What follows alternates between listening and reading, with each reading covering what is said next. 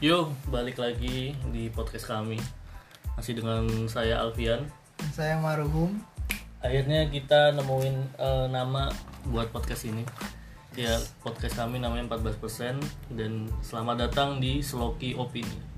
Itu nama eh, episode dari podcast kami. Benar. Oke. Nah, malam ini kita mau ngomongin apa, Yum?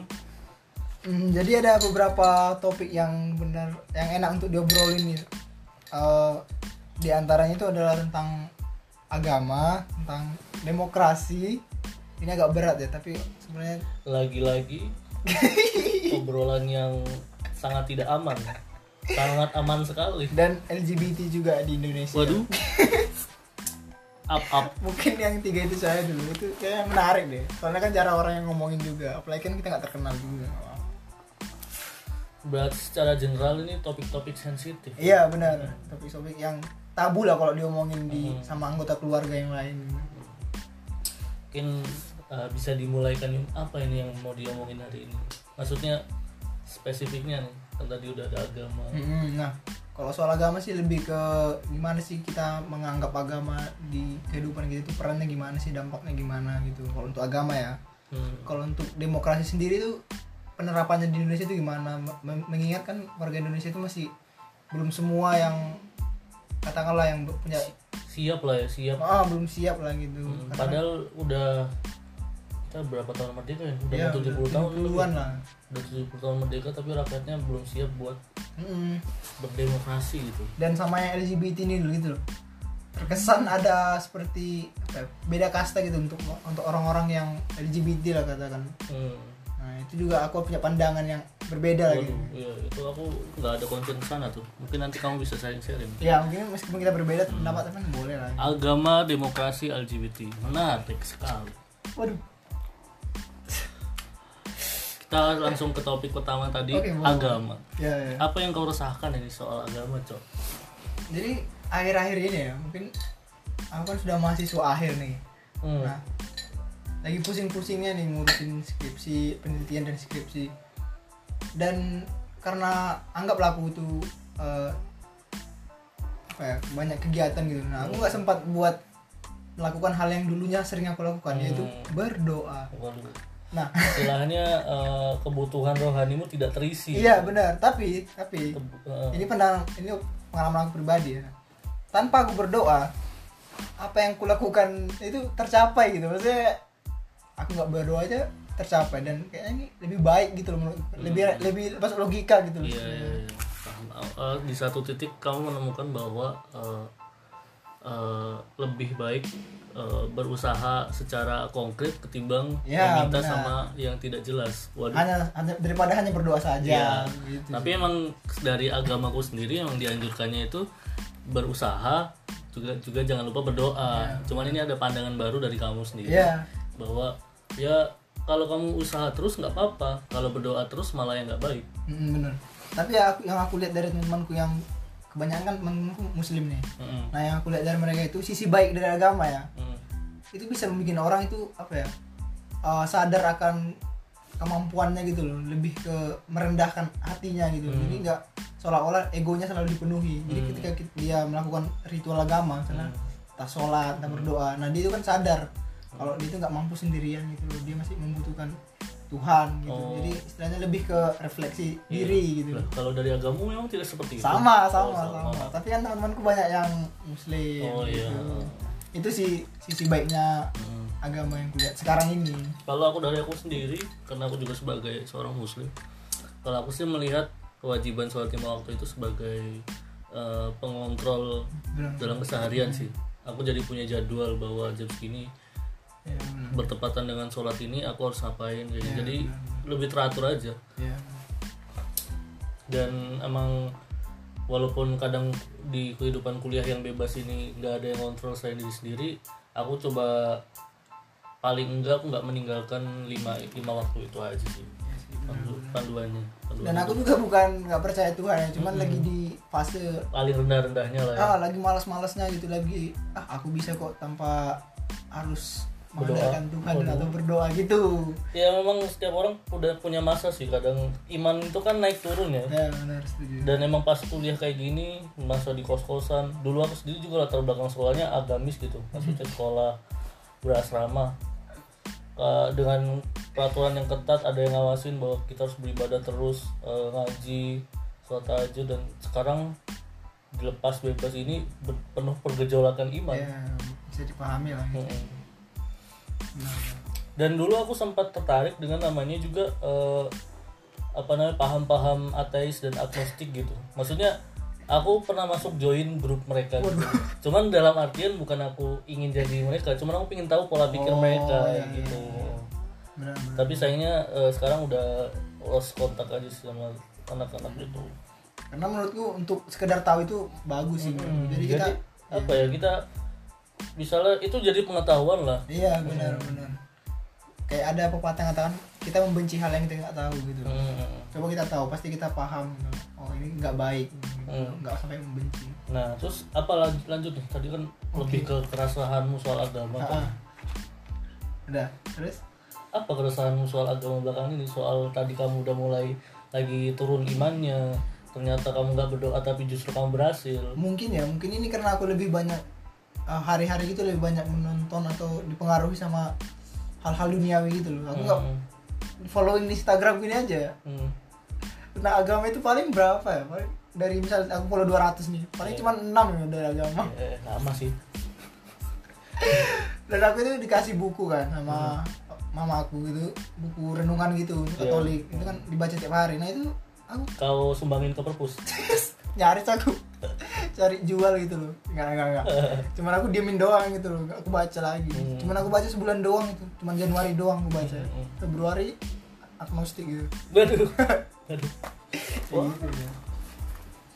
lebih ke apa ya lebih ke mempertanyakan aja gitu loh Hmm. apakah benar gitu Tuhan ada apakah dampaknya benar-benar terasa Hmm. lebih mikir ke logikanya aja gitu Dan Tapi emang apa ya? Kadang tuh aku juga dengar dengar cerita kalau orang semakin banyak ilmunya tapi nggak diimbangin sama ilmu agama, dia makan makin semakin mencari celah bahwa agama itu ada celahnya gitu. iya benar kayak misalnya dalam kasus kamu berkeper, berkeper, ke- ber- kepercayaan A Hmm. dan ada tuntunannya harus eh, rajin cuci tangan Hmm. tiba-tiba kamu udah punya ti- punya ilmu tinggi ah cuci tangan kan eh, pa- kalau mau makan doang kalau yang buat yang lain nggak usah. Dia aja kayak mencari celah gitu loh. Ah aku udah pakai hand sanitizer nih. ini kan analogi aja ya. Eh, padahal tuntunan agamanya suruh cuci tangan, tapi dia mencari celah. Oh, di sini udah ada teknologi yang baru namanya hand Yes. sanitizer. benar benar Terus nanti eh, oh aku udah pakai tisu basah. Hmm. Jadi kayak istilahnya tuh kadang tuh emang ilmu pe- pengetahuan tuh bertolak belakang Iya. sama agama. Cuman Itu poin bukan berarti terus ditentangkan sih. iya sih Mm-mm. menurutku itu bisa berdampingan sih Hmm. malah orang-orang pintar sekalipun ya kalau dia bijak dia tuh membutuhkan setidaknya beberapa hal yang tidak perlu dipertanyakan secara logika gitu loh kayak Hmm. hubungan kita sama Tuhan menurutku ya Justru aku juga kadang suka kasihan sih sama orang yang benar-benar taat banget sama agama sampai dia tuh eh, buta gitu loh sama iya benar pengetahuan umum. itu juga Takutnya dia kayak eh, menafikan bahwa lo ini fakta duniawi emang kayak gini gitu loh, bukan berarti eh, ini bertentangan sama agama. Maksudnya kayak orang-orang tua kita kan Hmm. yang kemas yang udah kolot-kolot dan emang udah orientasinya buat ke akhirat maksudnya banyak amal maksudnya gimana ya kadang kan orang tua tuh kadang kalau udah ya tau lah misalnya mudanya pada senang-senang Hmm. udah tua tuh udah pensiun pinginnya tobat Iya. dekatkan diri sama yang di atas tapi kadang tuh dia lupa sama uh, sisi duniawi bahwa uh, teknologi dan pengetahuan umum apalagi politik itu berkembang gitu yes. Kita juga sebagai manusia harus mengikutinya. Harus mengimbangi lah mengimbangi lah di sana benar. benar ilmu tanpa agama itu apa pincang. Agama lumpuh lah tum- apa, sih- apa ya ya pepatahnya gitu itu lah apa ngerti lah. Hmm. ilmu tanpa iman iman tanpa ilmu gitu gitu ya. Ya pernah dengar ya. Oke, begitulah tentang Hmm. sedikit tentang agama gitu ya. Hmm. Oke. aku aku tadi ada Ah. ilmu tanpa agama itu pincang. Eh, agama tanpa agama tanpa ilmu itu eh, cacat. Hmm, boleh boleh. Jadi harus memang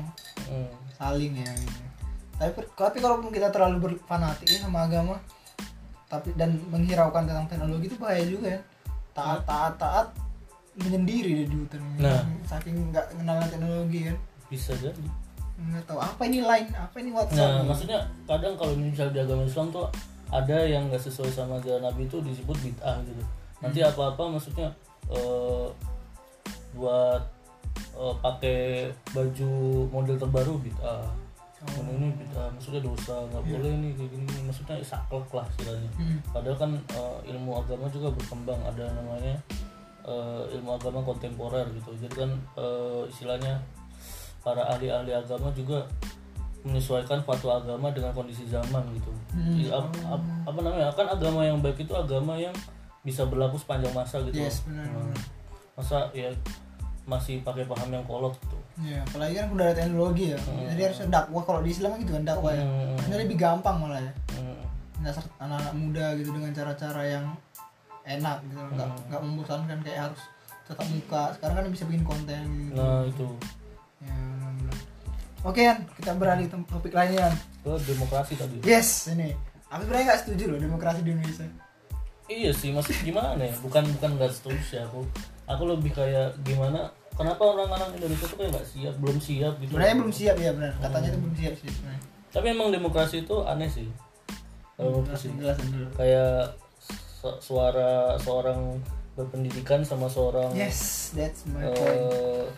Katakanlah, gelandangan itu iya, sama. sama gitu. gitu, dihitung sama. Padahal kalau dari aku sendiri aku kalau itu aku lebih kesuka ke apa ya namanya musyawarah. Musyawarah, benar benar benar. karena emang di Panja- di Pancasila sendiri itu kan Ada musyawarah. keempatnya itu musyawarah. Mm-mm. cuman ya mau gimana ya?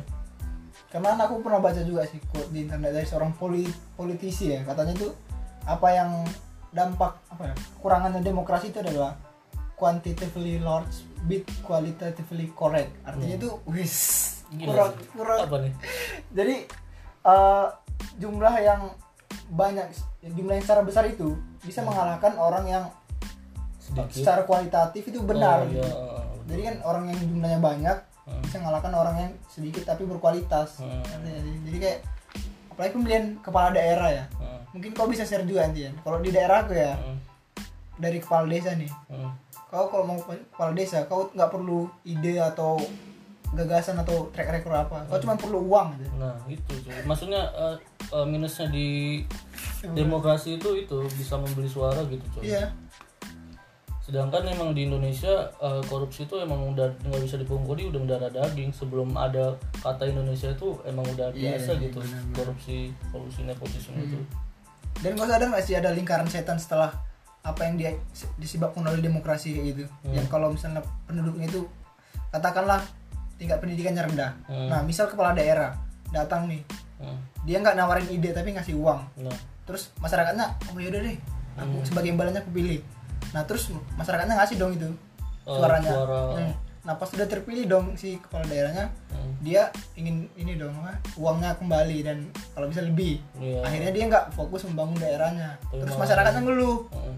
kenapa sih gimana sih kerjanya ya kepala daerahnya bilang lagi lu aku kan udah bayar kalian. Gitu, jadi Iya, jadinya kayak apa ya? Ya itu tadi lingkaran setan yang gue bilang tadi. Mm, makanya aku ah susah lah memang. Sangat sangat kayaknya kita terlalu cepat sih memang harusnya demokrasi ini.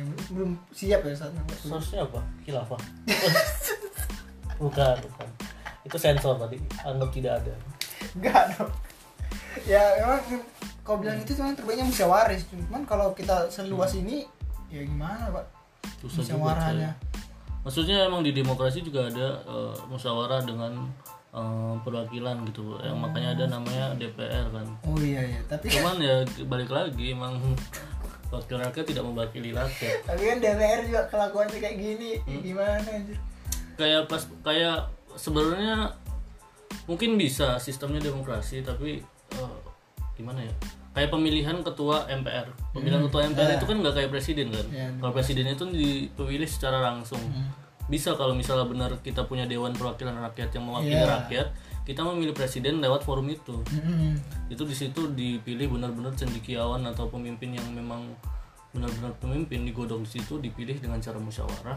Jadi saya pilih pemimpin, Nah. pemimpin yang ideal. Aku punya pertanyaan lagi nih. Misal menurutmu dengan banyak jumlah partai politik sekarang itu berpengaruh nggak ke kualitas seorang pemimpin? Katakanlah presiden. Ah, kan karena ada presidensial apa sih? Threshold kan? Hmm, presidential threshold Ah, nah yang itu- harus didukung. yang harus didukung oleh beberapa partai yang Oh. suara gitu di DPR nah itu menurutmu berpengaruh nggak ke Sama kualitas. presiden- presidenan? Enggak sih. Aku aku sekarang udah di titik nggak percaya sama pemerintah coy. Siapa pun yang pokoknya siapa pun yang berambisi jadi pemimpin tuh kayak ah apaan sih? Pemimpin tuh nggak merasa justru pemimpin yang baik itu nggak merasa dia tuh harus jadi pemimpin. Hmm, Kalau ya, aku ya, sendiri ya. benar benar benar gimana ya? Itu maksudnya kalau ada partai politik kan Hmm. kita nggak bisa munafik lah. Maksudnya pasti ada kemungkinan politik partainya itu sendiri kan. Jadi ya semakin banyak kepentingannya ya. semakin banyak partai politik yang mendukung suatu presiden tentu kan ada nggak pure untuk kepentingan rakyat dong kita lagian juga banyak partai politik tuh buat apa sih kalau ideologi mereka sama nah gitu. iya makanya aku bingung tuh. Mending sedikit tapi berkualitas gitu. Sedangkan sedangkan kalau di Amerika sendiri sama kalau enggak di Iya, Eropa Amerika atau di mana ya? Pokoknya di Amerika sendiri tuh ada namanya ya partai buruh sama partai demokrat gitu. Jadi emang Iya. ada yang istilahnya politik kiri sama politik kanan gitu. Sedangkan di Indonesia sendiri tuh abu-abu coy. Iya benar ada politik nasionalis sama politik agamis. agamis. Mm.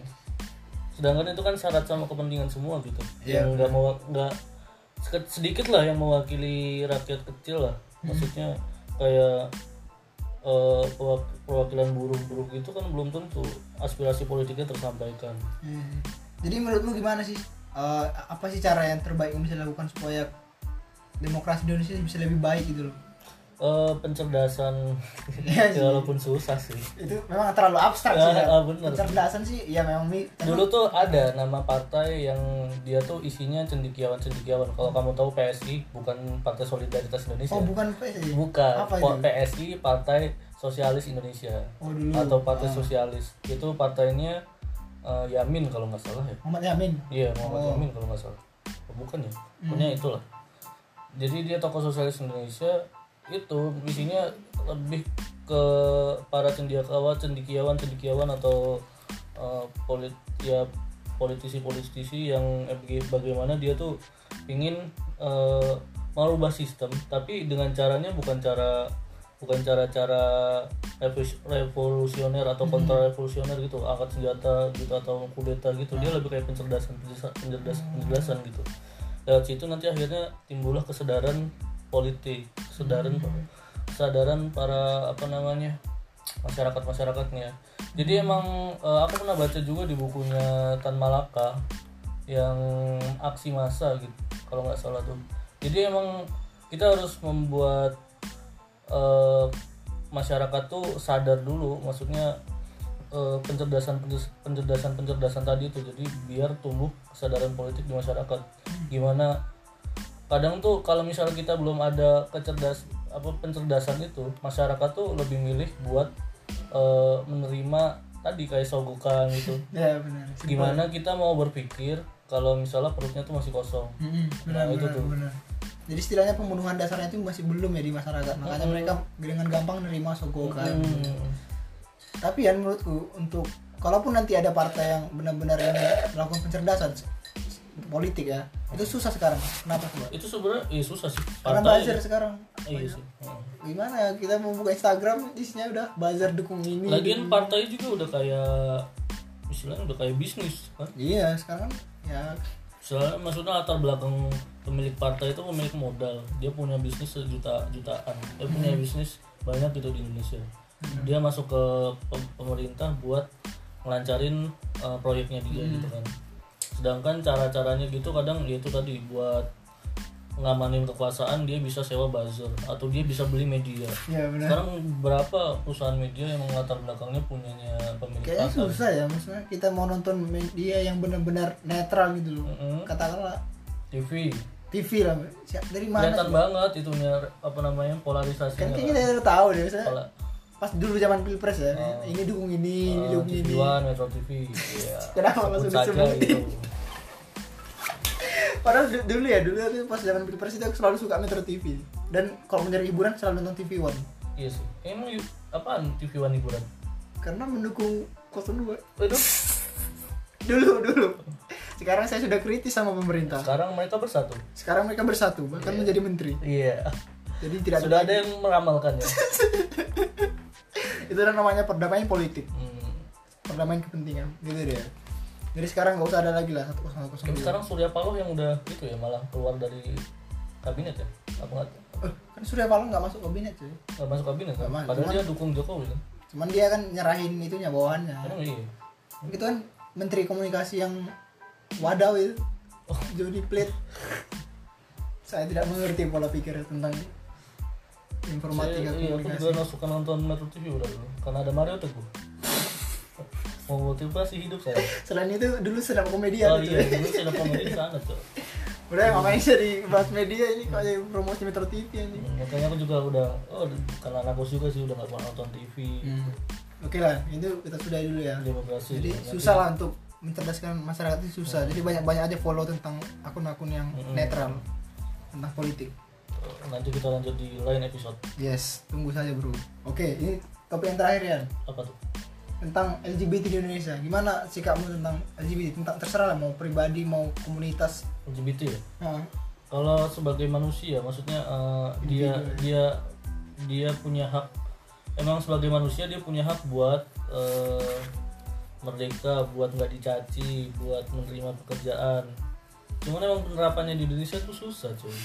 Maksudnya kayak aku pernah kemarin buat apa namanya eh, dengar cerita dari Vice Indonesia. Hmm. itu tuh kayak dia programnya segmen buat LGBTQ Eh, salah satu saksi apa namanya salah satu saksinya bilang kalau dia pernah dia tuh itu transgender. Ah. dari laki-laki jadi perempuan gitu dia punya kemampuan yang baik kemampuan bicara yang baik kemampuan manajemen yang baik mau daftar di perusahaan tapi setelah interview dia bilang kalau dia tuh trans karena di situ dia ditolak di oleh eh, istilahnya HRD-nya Hmm. karena dia nggak bisa ngisi eh, kolom jenis kelaminnya.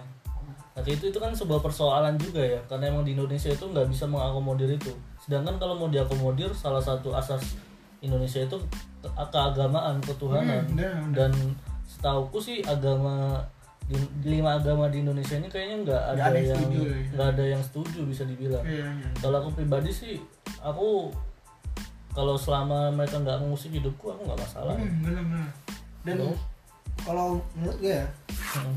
aku nggak bisa dibilang pro ya cuman kalau aku lihat LGBT orang-orang yang LGBT itu ya silakan aja gitu bahkan aku barusan kemarin itu mutualan sama yang LGBT bener iya. di Itu Twitter ini yang apa nih? Cowok jadi apa? ini kayak cowok deh soalnya Trans, uh, transgender. enggak cowok doang cuman dia suka sama cowok homo Oh, ini homo gay. gay ya katakanlah gay Homo, gay, gay. gay kan LGBT gay Iya. nah dia tuh anjir aku kemarin lihat di timeline twitterku ya Heeh. dia tuh nge-share video yang cowok uh, lagi ngulumin uh, kelaminnya cowok juga Hmm. cuman aku kayak aduh apa nih cuman ya udah gitu nggak sampai aku komen Hmm. woi gay mati aja nggak Itu sampai homofobik. itu ngomong nggak sampai cuman kayak ya udah lewatin aja nggak menarik gitu gitu aja sih aku cuman ya sama ya nggak nggak ada masalah gitu Kalaupun kau nggak pengen terganggu ya tinggal unfollow aja. yes gitu. atau mute gitu loh Nggak usah. biar lebih sopan soalnya dia nge-follow duluan pak Oh iya. Dan itu temenmu kan? enggak Kalau di ketemu di Twitter. soalnya dia bilang mau apa sih yang mau mutualan gitu loh Hmm. udah ayo gue bilang itu hati-hati tuh. Aduh jangan jangan gitu. iya aku sih jarang share foto di twitter sih jadi Hmm. aman lah tapi ya menurutku yang soal yang kau bilang tadi akomodir tentang pekerjaan itu ya Hmm. di titik tertentu memang uh, para orang-orang LGBT ini memang harus mengalah gitu loh karena kan kita udah punya dasar hukum yang jelas kan Iya Pancasila sih. jadi mereka mau nggak mau misalnya harus jenis, kelamin Hmm. ya mereka harus mengalah kan untuk identitas mereka kayak Iya gitu sih benar kayak misalnya kasusnya eh ateis gitu ataupun dia Iya, ataupun dia menganut ajaran nenek moyang kayak Hmm. kejawen dia tetap harus ngisi Lima. kolom agama dari lima agama itu Hmm, benar-benar karena ya gimana peraturan kita emang diskriminatif bro Hmm, emang udah tertulis gitu ya di Nah, dasar negaranya kalau mau kalau mau dirubah ya sana jadi wakil rakyat dulu Iya, ubah. benar. mustahil cok RUU PKS aja ditolak sekarang Hmm, kecuali untuk kehidupan praktis ya jadi Hmm. kayak ya untuk ngomong gitu ya nggak apa-apa mau maksudnya eh, eh, kamu tinggal memperjuangkan hak hakmu di masyarakat umum dan itu tuh udah cukup di situ. Hmm, kalau kalau ur- Benar, urusan administratif ya kita udah ada administrasi administrasi Iya, udah ada kayak jelas. gini kecuali kamu emang tujuannya merubah ne- Indonesia jadi negara Hmm. liberal itu lain cerita. Kalau emang tujuan akhirnya kayak gitu mungkin bisa. Dan tapi itu bakal panjang. eh, panjang. Kamu bakal dapat serangan yang lebih iya. parah lagi dari masyarakat yang udah mapan. Apalagi yang orang yang katakanlah yang agam yang Hmm, agamis agam, ya. agamis wah itu kan parah sih. Hmm, pasti langsung ditentang dong gitu gitu. Iya dong. Jakarta banjir karena kalian. Itu bentar lagi udah masuk grup hoax itu di WhatsApp. Corona karena kalian. Waduh. Gak bisa ngebayangin ya misalnya ada. Seiring tapi seiring seiring berjalannya kebebasan informasi sama sekarang dunia digital mulai naik tuh emang emang eksistensi kayak mereka tuh mulai naik sih mulai berani juga gitu. Iya. dan media-media liberal gitu emang dukung juga. Hmm, kayak tadi Vice kan Vice Indonesia cenderung gitu. mendukung. Kan sekarang ada itu kan brand Unilever yang hmm, ketahuan mendukung LGBT LGBT dan banyak orang yang dan bisa dia responsnya kan. Banyak orang yang kayak kecewa gitu kan. Iya misalnya dia pakai sikat giginya kan. Dia, ya. Dia ngeluh "Ah, anjing ini Unilever udah LGBT tapi boykot Unilever. Tapi sambil gisok gigi dia. Waduh di Indomaret promo nih. Dia nengok tuh ah Unilever LGBT terus nengok "Ih, Waduh, promo, promo nih. nih, beli iya. dong dia beli Pepsodent waduh produk lokal mahal. Beli yang promo jadi saja. ada kayak munafik lah istilahnya. Iya dan menurut kita yang misal, misal pun ada suatu produk yang dukung LGBT itu kan kebijakannya ya maksudnya. Hmm, itu bentuk CSR mereka ah, ah, kita nggak layak untuk seolah-olah langsung nggak boleh menggunakan produknya itu kan nggak berpengaruh ya Maksudnya itu kan pemikiran. Iya. Selama itu nggak mempengaruhi kualitas produknya ya nggak apa-apa nggak sih sih. bisa jadi emang dana yang mereka kan mendukung tapi mereka nggak memberi kekucuran dana gitu. Hmm, ataupun mereka eh, ataupun mereka memberi kucuran dana tapi bukan dari hasil produk itu. Iya dan bisa lain jadi. atau mereka punya perusahaan apa punya anak perusahaan Iya. kayak apa namanya amal gitu Hmm. perusahaan amal. Atau malah hasil penjualan dari negara lain yang Iya, mendukung, kayak misalnya Inggris lah atau atau Oh. Amerika kan. Karena emang negaranya sudah terbuka soal ah, ah, itu. soal LGBT justru dari situ aja dipu- pulang barangkali emang ada salah satu lembaga LGBT di suatu negara yang mereka dukung. Sedangkan di Indonesia emang nggak perlu sama kayak gitu mereka yang nggak menerapkan kebijakan itu di sini. Memang memang mungkin netizen Indonesia ini yang terlalu Baperan. Iya baperan. Kalau nggak suzon ya atau nggak suzon dia kan dia tuh iklan Unilever mana tahu bahasa Inggris kan? Iya. sasarannya kan orang Amerika tuh. Terus dia wah aku tersinggung nih. Gitu, Hmm. gitu ya. Sama apa lagi? Eh, soal LGBT itu banyak sih. Iya sih banyak. Sama ini kan di Thailand kan ada itu yang soal transgender yang biasa kan. Heeh, cowok cantik lah istilahnya. Heeh. kan dari cowok ke cewek gitu. Loh. dan di sana itu memang kayaknya terbuka deh. Iya gimana? Thailand oh iya. Sih. Buat pelarian pelarian pelarian orang mau ganti itu kan di sana Tapi aku lucu loh ya.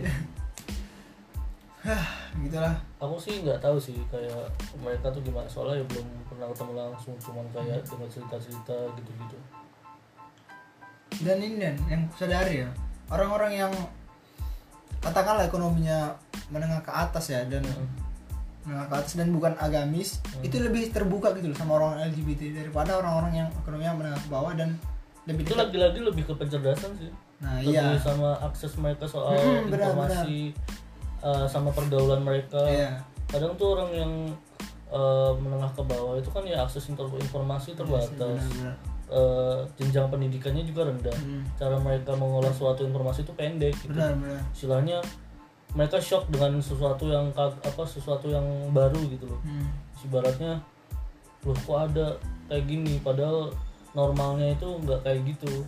Iya. jadi tiba-tiba ya ini bertentangan nih. Hmm, benar. harus dilawan.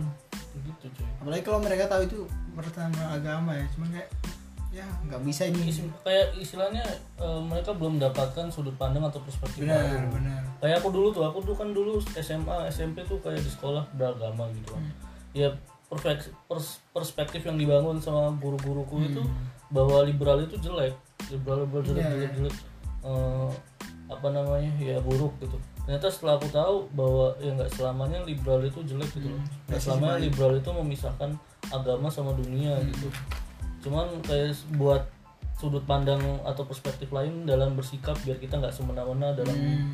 dalam melakukan tindakan. Karena aku uh, baca patah bagus dari bukunya Pram bahwa orang yang apa namanya adil atau cendikiawan itu sudah adil sejak dalam pikiran. Yes itu kayak di bukunya si itu ya bumi manusia iya Minkel setidaknya kita udah berjuang. Hmm. ya benar adil sejak dalam pikiran. Benar benar benar. Kok emang harusnya begitu sih orang kalau mau berilmu semakin tinggi ilmunya semakin merunduk kayak padi cuy. Makanya itu gue bilang kayak orang yang eh, menengah ke bawah itu kan cenderung aksesnya rendah tuh. Hmm. jadi porta apa ya lingkaran kegiatan itu kan terbatas. Mm-mm. sekalinya sekalinya mereka nengok kayak gitu kan kayak hmm, nggak bisa ini Oh, bisa. sama beda gitu. loh. Ini belum belum terbuka belum luas aja gitu sudut pandangnya. Belum bisa ngeliat dari yang LGBT-nya gimana gitu. Toh LGBT juga nggak tiba-tiba kan datang ke tempat umum. Udah dari dulu kan peluk gitu Oh kan iya, nggak mungkin nggak- kan? nggak gitu mungkin. tiba-tiba gitu kan. mungkin. Sorry, cowok uh, cowok tiba-tiba- ganteng. nggak tiba-tiba kau temenan sama LGBT kamu ketularan? Nah, iya, Karena maksudnya- corona. Sebelum corona juga enggak dong. Hmm, padahal dia corona nggak jaga jarak. Malah lebih bahaya kayak gitu. Iya dia memang straight tapi Hmm. pas corona berdua-duaan terus. Tapi aku juga kadang orang yang suka koar-koar atau tiba-tiba marah-marah atau share hate comment di sosial media itu emang dia punya masalah kehidupan sendiri. Kayaknya iya sih. Jadi dia menumpahkannya sama suatu fenomena yang eh, nggak yang emang kebetulan nggak cocok sama dia. Iya sih benar. Kayak misalnya dia punya masalah keuangan finansial atau masalah pendidikan nggak punya punya utang banyak nih ditegur rentenir dia buka-buka Instagram gua ada LGBT nih saatnya maki-maki anjing ini. Kita uh, positif thinkingnya kayak gitu. Ini benar deh ini benar biasanya kalau kita bijak gitu kita nggak langsung mencemooh gitu loh. Mm-mm. kita bahkan mencari sumber lain loh ini. Bener nggak sih? Kita Hmm, nggak gitu. langsung tiba-tiba anjing ini berita apa ini? Gitu. Iya, saatnya pasti. Emang ada dorongan kan dari masalah gitu loh. Ah utangku nggak bisa terbayar. Iya. ah komen ah biar eh, lepas. ah, skripsiku belum kelar enggak. Tapi, aku kadang juga emang suka kepanjang kayak gitu. Misalnya tiba-tiba iya. lagi eh, ada masalah atau tugas banyak banget numpuk buka sosmed kok ini PSBB tapi malah pada Oh, ah, Car Free Day. Ingin memaki rasanya. Oh, tapi iya. saya mencoba bijak. Cuk. Bijak aja ngomongnya cuk. Gimana? Gak bijak ya. Mungkin semua kata-kata kotor keluar gitu. Aduh. Anda yang masih keluar-keluar anda yang sepedaan hanya cuma numpang eksis. Aduh mending anda di rumah saja nge-gym. Iya. Jangan banyak gaya anda. Jual sepeda anda. Atau sepeda yang pinjam di fakultas. Balikkan balikkan masih banyak orang yang benar-benar ingin sehat. Ya, emang ada yang pakai sepeda Ada. fakultas cuman kemarin aku ketemu ya Oh, pas aku sepedaan. Hmm. beraniin. Sepeda unip? Di belakang itu. Ya, sepeda fakultasnya di FIB tuh sampai banyak bocor tuh nggak ada yang oh iya. Mungkin pas corona gini jadi ada kerjaan gitu yang jagain sepeda itu itu enggak mungkin kayaknya gara-gara lagi ngetren sepeda undi buka rental sepeda. Itu Undi mau jadi- bisnis yang menarik. Kok jadi bisnis ya bang gitu. Udah jembatan Cikata nggak tahu ada itu jadi tempat foto baru. Itu jadi spot kalau orang lulus kuliah ya habis Oh, iya. skripsi kan. Hmm ini dia image baru undip Iya. aduh. Terasa sudah 30 menit Wah. juga nih. Padahal tadi rencananya 15 menit iya ya doang lima belasan menit ya udah karena ya. daripada kalian bosan dengar ocehan kami berdua Iya, benar. dan kami juga pengennya pendek-pendek aja lah Hmm. biar kalian dengarnya santai sebelum Iya. tidur atau sambil ngopi benar Oke, sampai jumpa di episode selanjutnya dari Seloki Opini. Assalamualaikum warahmatullahi wabarakatuh. shalom